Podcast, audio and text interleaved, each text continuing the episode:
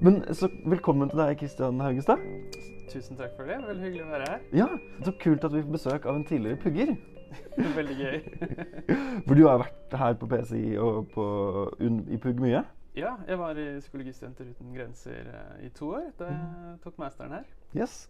Og den masteren det er jo noe av det vi skal komme litt inn på, for den handlet jo om klimastreikerne. Litt sånn motivasjonen deres og hva slags ansvarsfølelse de hadde, og hvordan de så på situasjonen. Og den skrev du med, sammen med Anja Dun Skauge. Og nå jobber du i miljøorganisasjonen Spire. Det stemmer. Ja. Det stemmer som du sier, at uh, jeg skrev master uh, om uh, klimastreikerne. Altså School Strike for Climate. Fridays for Future, som det brukes i hashtaggen på sosiale medier. Vi syntes det var et veldig spennende tema å skrive master om. da vi skulle velge, så var jo dette på sitt største her i Norge i tidlig vår i fjor. Ja. Så vi syntes det var veldig spennende å gå inn og se på hva var det som motiverte disse unge til å streike for klimaet. Så du har jo Greta Thunberg og det globale ikonet der. Eh, som fikk veldig mange millioner av unge mennesker ut på gatene og skulle demonstrere for klima. Eh, og vi syntes det var veldig spennende å da prøve å undersøke hva var det som fikk folk til å ha lyst til å streike for klima. Altså, vi har snakket mye om eh, skam og, og flyskam f.eks. og mm. alle de tingene. Om uh, hva man må gjøre for å være mer miljøvennlig og mindre plast, mindre kjøtt og alle disse tingene. Men uh, så var det denne store miljøbevegelsen på, på gruppenivå, da, på et, et, større nivå, som uh, syntes var veldig interessant. Så um, det vi gjorde, var at vi var ute og intervjua disse unge engasjerte, så vi dro ut på streiken og snakka med, med, folk eh, der og da. Ja. Litt sånn åpent til å begynne med. Bare hvorfor er du her? Hva, hva er det grunnen til at uh, du har lyst til å engasjere deg? Og da fikk vi veldig mange spennende svar. Fikk dere noen sammenheng da? Mm -hmm. Vi snakka med om lag litt under 100 klimastreikere. Og kjørte en tematisk analyse av det og fant at på en måte Det var mange ting som gikk gjennom, mm. men uh, fellesnevneren var på en måte en sånn følelse av en, en frustrasjon da, over å ikke um, klare å gjøre nok for mm. klimaet på individuelt plan. Og mm. så var det på en måte en, en forståelse om at uh, uh, det var noe på høyere plan, på systemnivå, som måtte endres for at uh, vi skulle kunne takle da, klimaendringene. Um, og det sa de på mange forskjellige måter, men uh, um, spesielt dette her med at de var mange, var en ting som fikk dem til å føle en form for håp. Da. Mm. at vi er, vi er, et felles ungdom som som har lyst til å gjøre en endring. Og i kraft av å være så mange, så, så var det en, en Det, det, det blomstra på en måte opp, da. Eh, og at man følte at eh, kanskje man har sittet alene med dette her, med disse følelsene eh, over lang tid, og, og, ikke følt at man klarer å gjøre nok. Men når man først eh, så at det var mange som engasjerte seg i dette her, så var det mye enklere å, å, å å kjenne seg igjen i gruppa. da. Ja. Det er noe av dette som uh, var forklaringene vi, vi kom fram til uh, i masteren. at det, handler veldig mye om å identifisere seg med andre, og i dette tilfellet så handler det om um, å identifisere seg som, som de unge. da. Ja. Og, og den, fordi at den identifikasjonen som unge i den klimadiskusjonen generelt, så retter man jo ofte veldig mye skyld mot den eldre generasjonen. Vi snakker jo på en måte om at uh, nå er det de unge som må ta styringen, og så er det det argumentet med at det er vi som skal leve, eller det er de unge som skal leve med konsekvensene av dette her. Uh, mens man f.eks. i tidligere tider har brukt det motsatte argumentet. At de eldre har mer erfaring, så derfor burde de ta avgjørelser. Mens nå bruker man at de yngre skal leve mer med en avgjørelse, så derfor burde de uh, ta en avgjørelse eller ha mer innflytelse på den avgjørelsen.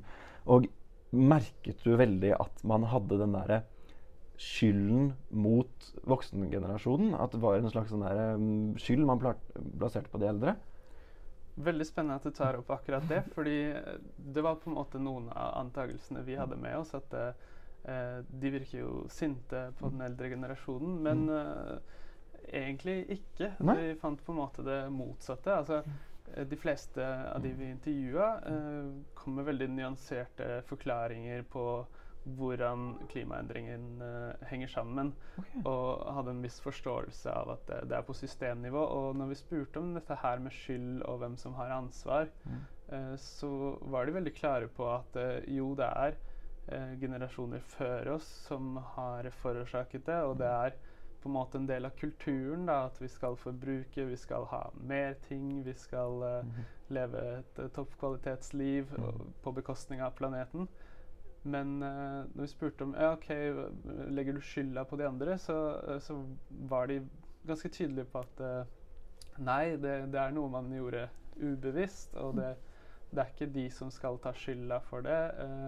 Samtidig som at de har mer ansvar, så er på en måte Ut fra intervjuene våre, det uh, som kom fram, var at uh, det var en en tydelig fokus på hva man må gjøre nå, og Mm. ikke hvem som skal eh, få pinger, fingeren Ja, okay. på det. Altså hvem, hvem som har ansvaret. Så de var heller mer fokusert på at OK, nå vet vi hva problemet er, nå Mm. vet vi Uh, hvem som har ansvaret for det, men det, det er ikke det som er så farlig. Nå må vi finne løsninger. Mm. Og ehm, det var veldig tydelig i deres reaksjoner fra altså, de kommentarene eldre folk eh, kom med i media om at eh, ja, da skal de unge i hvert fall ikke spise taco eller dra på sydenferie. Eh, eh, de reagerte veldig sterkt på det. Da, at eh, vi snakker ikke om at det er du eller jeg som har ansvar, vi snakker om at vi må fikse det felles. Da. Ja, ok. For det, det er jo hvert fall Jeg har fått inntrykk av at det har blitt en litt sånn stor del av den offentlige klimadebatten. Eller det var det når klimadebatten gikk mye mer før korona tok over alt, på en måte. Eh, at det var i alle innlegg fra unge aspirerende politikere og hvor man argumenterte for klima, så argumenterte man samtidig mot de eldre. Um, eller hvis man på en måte argumenterte fra et eldre perspektiv, så måtte man nesten svare på det at ja, ja, men dere er like ille som oss. Eller dere, da, ja, som du sa, da må dere slutte å spise taco eller ikke bestille ting på nettet. Og det er jo egentlig fascinerende at det er litt mer nyansert når man kommer ned på bakkenivå. Selv når, for du intervjuet jo folk helt ned i 13-årsalderen, ikke sant? Mm. Det stemmer. Og det, det er veldig spennende. Og akkurat det der med eh, skillen eh, eldre generasjon og de unge Ja. Var på en måte viktig i uh, at eh, det hadde en sånn samlende funksjon. Da.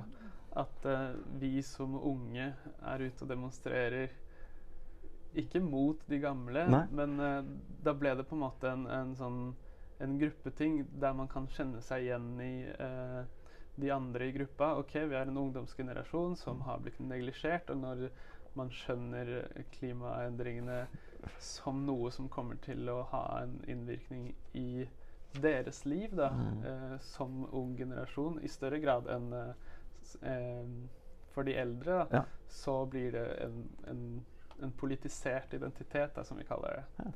Så, det er så spennende hvordan det liksom påvirker at man klarer å engasjere For det er veldig unge mennesker som blir engasjert. Jeg husker at uh, når jeg var på noen av de klimasakene, så var det folk ned i um, kan, Det er vanskelig å se hvor gamle folk er når de går liksom ned over 10-13-8. Hva er egentlig forskjellen? Men jeg vil si at det var i hvert fall folk som var nede i tiårsalderen, kanskje. Og i hvert fall 13. Um, og det er jo interessant. Fant dere noe ut om det er forskjell på hvordan disse um, motivasjonene som at man føler et felles ansvar, eller at man føler at noe skal gjøre, føler til fellesskapet, påvirker det forskjellig de som er yngre, og de som er litt sånn eldre av de som er streikerne? Um, Er det en psykologisk forskjell der? Det er jeg ikke helt sikker på om jeg Nei. kan uh, si noe særlig om. Det jeg merka, var at uh, um, unge generelt, uavhengig av alderen, um, var veldig kunnskapsrike. De kunne en god del om hvordan ting hang sammen, og hvilke, um, hvilke ting som kan være med å, å endre uh, denne utviklingen. Em, men om noe så vil jeg tro at uh, de litt eldre uh, begynte å forstå litt mer om at det handler om uh, politikk. At Mm. det er et større spørsmål enn bare det man kan gjøre på individuelt plan. Altså bruke mindre plast osv. Ja. Um, men generelt så ble jeg veldig Eller ikke overraska, da, men jeg Imponert, rett og ble veldig imponert over eh, disse unge menneskene vi snakka med. Og Ja. det var uh, mange ting jeg ikke kunne, da, for å si det sånn. Det er herlig, egentlig. Men Mm. det kan jo også være et ganske stort ansvar å ta på seg, uavhengig av alder. Da. Uh, dette her med på en måte alle ringvirkningene av klimakrisen. Og um, hvor alvorlig det kan være, og hvor stort ansvar det er å prøve å endre det, samtidig som det er litt mer strukturelt ansvar, selvfølgelig. Uh, og da lurer jeg på dette begrepet med klimaangst er jo blitt brukt. At man på en måte rett og slett har en underdiagnose av angst. Ikke at det er en diagnose. Men er det noe du opplevde at noen av dem følte på noe som kan beskrives som klimaangst? Um, både ja og nei. Um, det har jo vært noe som har vært diskutert en del, og Mm. det er veldig spennende som konsept. Men uh, selv syns jeg det er litt sånn uh, skummelt å Mm. liksom lage en diagnose ut av det. For det, det er jo en reell følelse som uh, er et svar på en reell problematikk. Mm. sånn at det å avfeie det som en sykdom blir litt rart. Ja. Og det er mange Veldig. psykologer i, i, i media som har sagt at det, det er heller en mulighet da, å, å bruke de følelsene for å faktisk gjøre noe med det og engasjere seg med det. Um, men um, altså Frykt, det, det var til stede. Men uh, jeg vil heller si at uh, på en måte skolestreikbevegelsen ga en mulighet da, Mm. for uh, disse unge for å bruke det engasjementet, de, de sterke følelsene de har, for å gjøre noe med det. Eh, om det er eh, noe sykt ved det, det tenker ikke jeg. Nei. Men eh, em, det var heller en av, en av de faktorene som var med å forklare hvorfor, eh, hvorfor de hadde lyst til å engasjere seg. Da. Ja, absolutt. Og så Mm. er jo kanskje et bedre ord, egentlig. Det er noe jeg har lest fra andre også. At, eh, fordi at angst er så Som sagt, det er en sykdom, det er en diagnose, du sykeliggjør deg. Og så er det så stort. Altså, med angst så har du på en måte ikke noe uh, du kan gjøre med det spesifikt. Det, det blir så overveldende for noen. Så Mm. kanskje et bedre ord rett og slett er klimafrykt. da. Ja, det, det kan være. At det er mer dekkende og ikke så sykeliggjørende. ja. Og selvfølgelig, man burde være redd, men man burde fremdeles kunne finne løsninger og ikke bli overveldet av et på en Mm. måte, psykologisk begrep. Ja, for det er jo noe med det. Altså, når du er engstelig, så, Mm. Så kan det fort være en, en demper for å gjøre noe. Da fryser man fast Mm. og har ikke så veldig mulighet til å gjøre ting, da. Og det du beskriver, er nesten det motsatte. Det er jo en Ja. motivasjon til å gjøre noe. Um, og da var vi også litt interessert i det klimasorg. Sånn opplevelsen av at noe er tapt. At vi hadde noe. At det var liksom en natur, en slags uberørt uh, natur som forsvant. Uh, er det noe man en opplevelse man hadde under de klimastreikene? Eller som dere kom inn på, da, selvfølgelig. Um, Når vi var ute og intervjua folk Mm. da vi gjorde det, så um, eh, var vi veldig åpne for hva de hadde å fortelle oss. Mm. Så vi spurte ikke spesifikt om uh, det. Nei. Eh, Det var veldig få som gikk inn på akkurat det, men um, det er jo et veldig spennende konsept. Mm. Det å føle på tap av, av natur, eller Mm. tap av uh, naturmangfold og den type ting. Mm. Um, jeg tror jeg nesten vil tørre å si at eh, dette her er noe de unge ikke har rukket å Mm. få med seg eller erfare. Ja. eh, og at eh, den følelsen av at noe er tapt, er kanskje noe de, de ikke har rukket å ha. Men Nei. samtidig så er det en, en viss form for at det er noe som eh, blir oss frarøvet på en Mm. måte i framtida. Den eh, følelsen om at eh, ok, det er noe som går tapt, det er noe verdifullt em, vi går glipp av i framtida. Men Mm. akkurat den eh, dype koblinga med Mm. naturen er nok eh, noe som bygges over lengre tid, og noe man må erfare for å få, uh, få det med seg. Mm. Uh, og det, det er jo et veldig spennende konsept, og spesielt i aktivisme blant uh, eldre, Ja. for å um, utvide Altså for å holder på med aktivisme over lang tid, Mm. så har det vært en faktor som vises å, å være ganske viktig. Da, å ha en tett kobling til naturen. Ja. Eh, også for å hindre utbrenthet. Og, ja. Men eh, Mm. blant skolestreikerne så var jo dette på en måte veldig eh, for mange en begynnelse på et eh, politisk engasjement. Ja. Og ehm, kanskje noe som kan utvikle seg over tid eh, Mm. til å bli noe mer. Og da kommer nok det til å være en viktig faktor. Ja. Og definitivt så blir jo kanskje det enda mer relevant fra når man på en måte bor sånn i nærheten av naturen som man gjør i en by f.eks. som Oslo eller Bergen eller tilsvarende. Fordi at da har man kanskje barndomsminner knyttet til en tur i marka eller en tur i skogen. Og da når man på en måte ser hvis de går tapt, da, eller hvis de er vanskeligere å få når man blir eldre, så skjønner man oi, her er det faktisk noe som er tapt, selv om jeg ikke tok- inn over det. For det er en sånn, som vi snakket om, en erfaringsbasert opplevelse, nesten. Mm. Og det, det er nok veldig viktig sånn psykologisk at mm. for å engasjere oss med disse spørsmålene Mm. om ting som er der ute, Mm. eh, så trenger vi en viss kobling med det. Altså vi trenger at det skal være nært Mm. for at vi skal kunne forstå eh, hvordan det går utover eh. Oss selv. Da.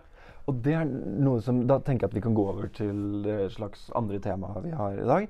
Og det er litt sånn psykologiens eh, sammenheng med klimakrisen. Hva kan psykologien gjøre? Hva, hvordan er det den påvirker den? Og hva er sammenhengen her? Um, og da tenker jeg at vi hopper rett på den nære opplevelsen av naturen, egentlig. Um, fordi at veldig mange har jo pekt på, eller mange kritiske psykologer har jo pekt på at psykologien er veldig individbasert. I fagets måte, grunnsetning så legger det at du skal fokusere på individer. Man forsker ikke nødvendigvis, eller det er ikke nødvendigvis et fokus på grupper. Psykologien er veldig individrettet i måten den ser uh, verden på, hvordan den ser løsninger på. Det er, du skal gå inn i deg selv. Uh, du skal på en måte drive med selvhjelp på en måte. Det er det som kommer frem i media i hvert fall. Um, samtidig så krever vel kanskje klimakrisen uh, litt det motsatte. At man har en litt mer sånn holistisk syn på verden. Får kommet mer i kontakt med naturen. Og da på en måte bare kjører jeg på med et ganske overordnet spørsmål med en gang, så kan vi bare uh, komme oss ut fra det. Fordi at um, Blant annet så vet vi at Per Espen uh, Stoknes for eksempel, han har jo, som er professor her på uh, PSI, han har jo begynt å ha seminarer ute i naturen for at elevene skal, eller studentene skal få oppleve liksom, denne nære koblingen til naturen. Mm. Viser det at det er mulig å ha liksom, en mer sånn holistisk psykologi? Og en psykologi som ikke er individbasert? Og er det, hva betyr det egentlig?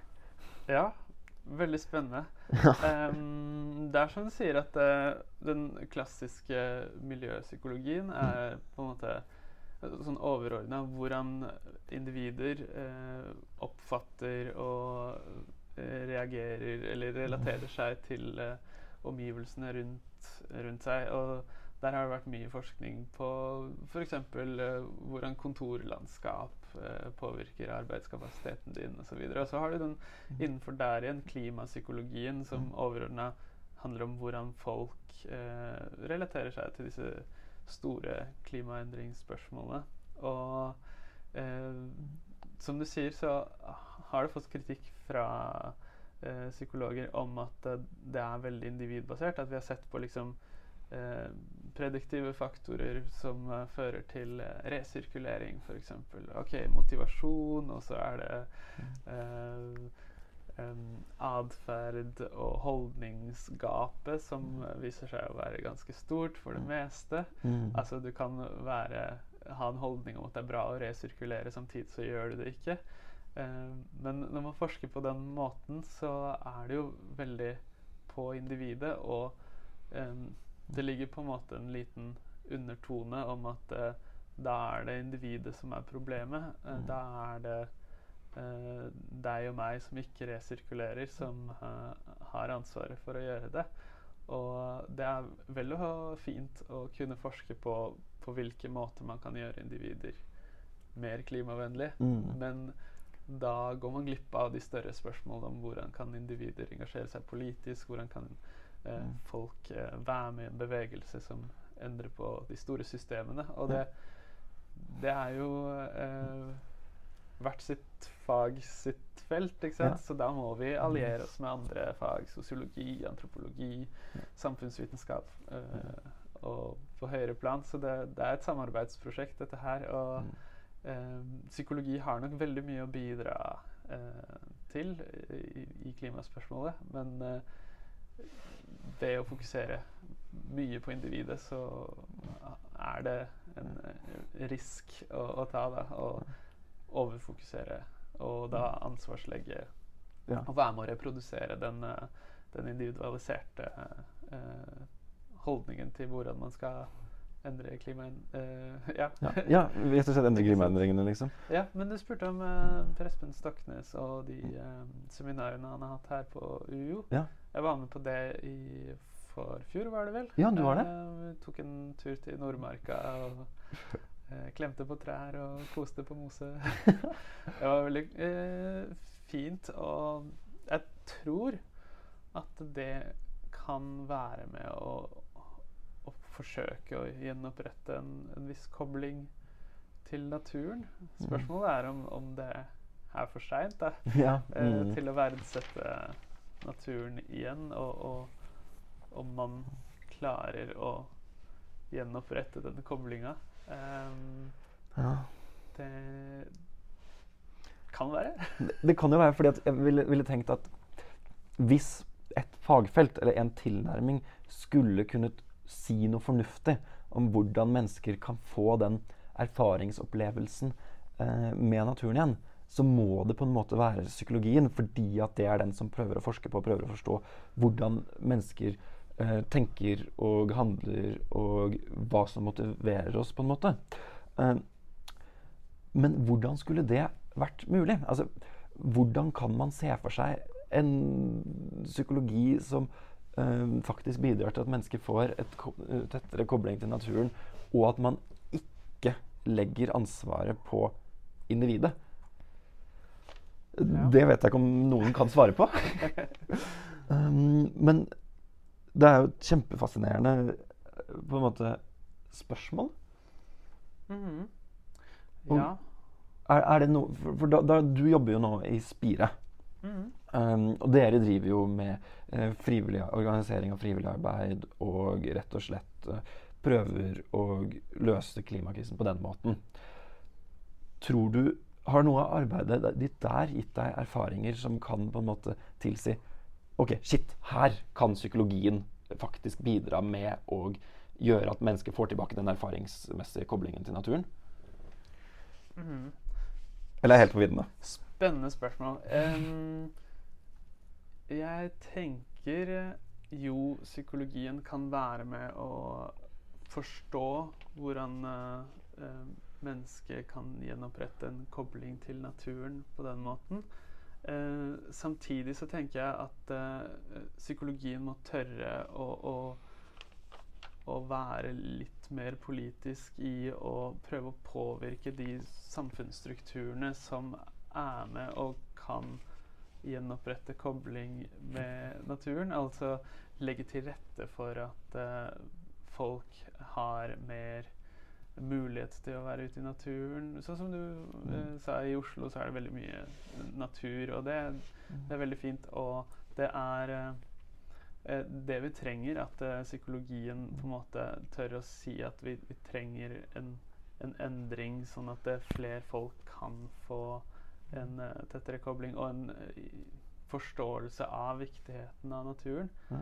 Um, og forstå alle de sammenhengene med, med klima, klimaendringene og, og det der. Så det, det er veldig store spørsmål. Og Ja. som sagt, jeg tror ikke um, psykologien helt alene klarer dette her Ja. i det hele tatt.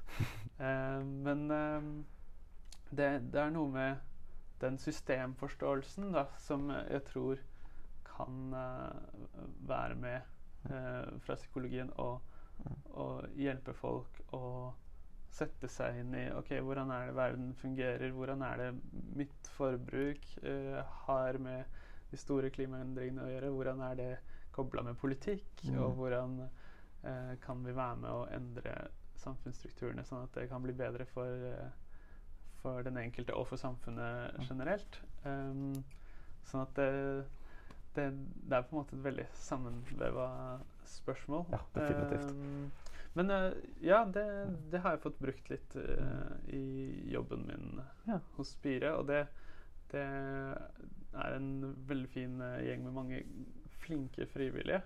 og der er det veldig tydelig for meg at de har på en måte forstått at klimaspørsmålet er mye større og sammenkobla med økonomi og natur. og at uh, det er mye større systemiske endringer som må til for at uh, vi skal kunne takle dette sammen. Mm. Og da er det på en måte viktig å komme over den uh, individuelle ansvarsfølelsen. Mm. OK, ja, alle har et ansvar, ikke sant? Mm. Men det, det, å forstå på en måte disse store sammenhengene mm. er noe som er med på å Eh, motivere for politisk eh, aktivisme, sånn at man vet at det, man må gjøre noe på større plan. da. Hvis det svarte på spørsmålet? Ja, det, finner, eller, det er jo umulig å svare fullstendig på det, men så godt man kan. Og det er kjempefascinerende å høre at du på en måte har klart og skrevet en master om dette her, fått et psykologisk innblikk i klimakrisen, og at du også rett etter master kan jobbe med en psykologisk tilnærming til uh, klimakrisen. Det, det, for meg i hvert fall så er det litt sånn oppmuntrende for fremtidige studenter at jeg er straight out of PSI, liksom. Det er det vi kan gjøre. Mm. Men uh, tusen takk for samtalen, Kristian. Veldig hyggelig å bli invitert. Ja, Utrolig spennende. Jeg tror vi kunne snakka i flere timer om dette her. Definitivt. Uh, tusen takk for invitasjonen. Ja, men det var Tusen takk for at du kom. Med, Og det er alltid kult å se liksom, hva tidligere puggere har gjort og kan gjøre. Og uh, det er kjempeinteressante temaer å snakke om. Så det, det, er mer å snakke om, for å si det sånn. yes, tusen takk. Ja, men tusen takk.